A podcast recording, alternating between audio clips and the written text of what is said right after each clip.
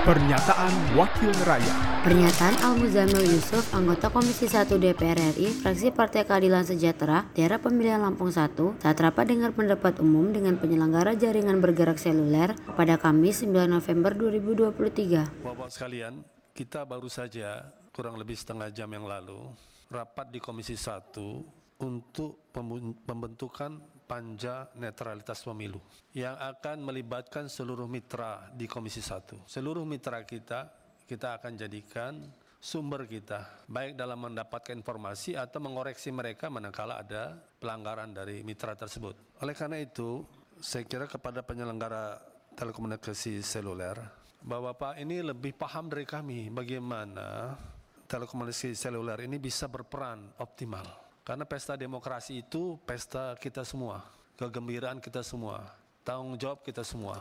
Jadi melalui pimpinan saya kira penting kita mendengar apakah bisa kita dengar hari ini atau akan disampaikan secara tertulis apa yang tidak kami ketahui yang bisa dilakukan oleh bapak-bapak sekalian dengan fasilitas teknologi yang di tangan.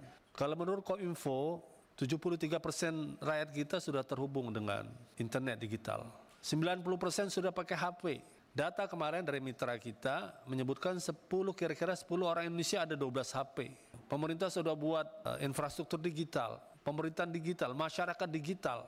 Saya kira ada yang beda dari pemilu kita 2019 dengan 2024. Kesadaran tentang tentang digital itu luar biasa.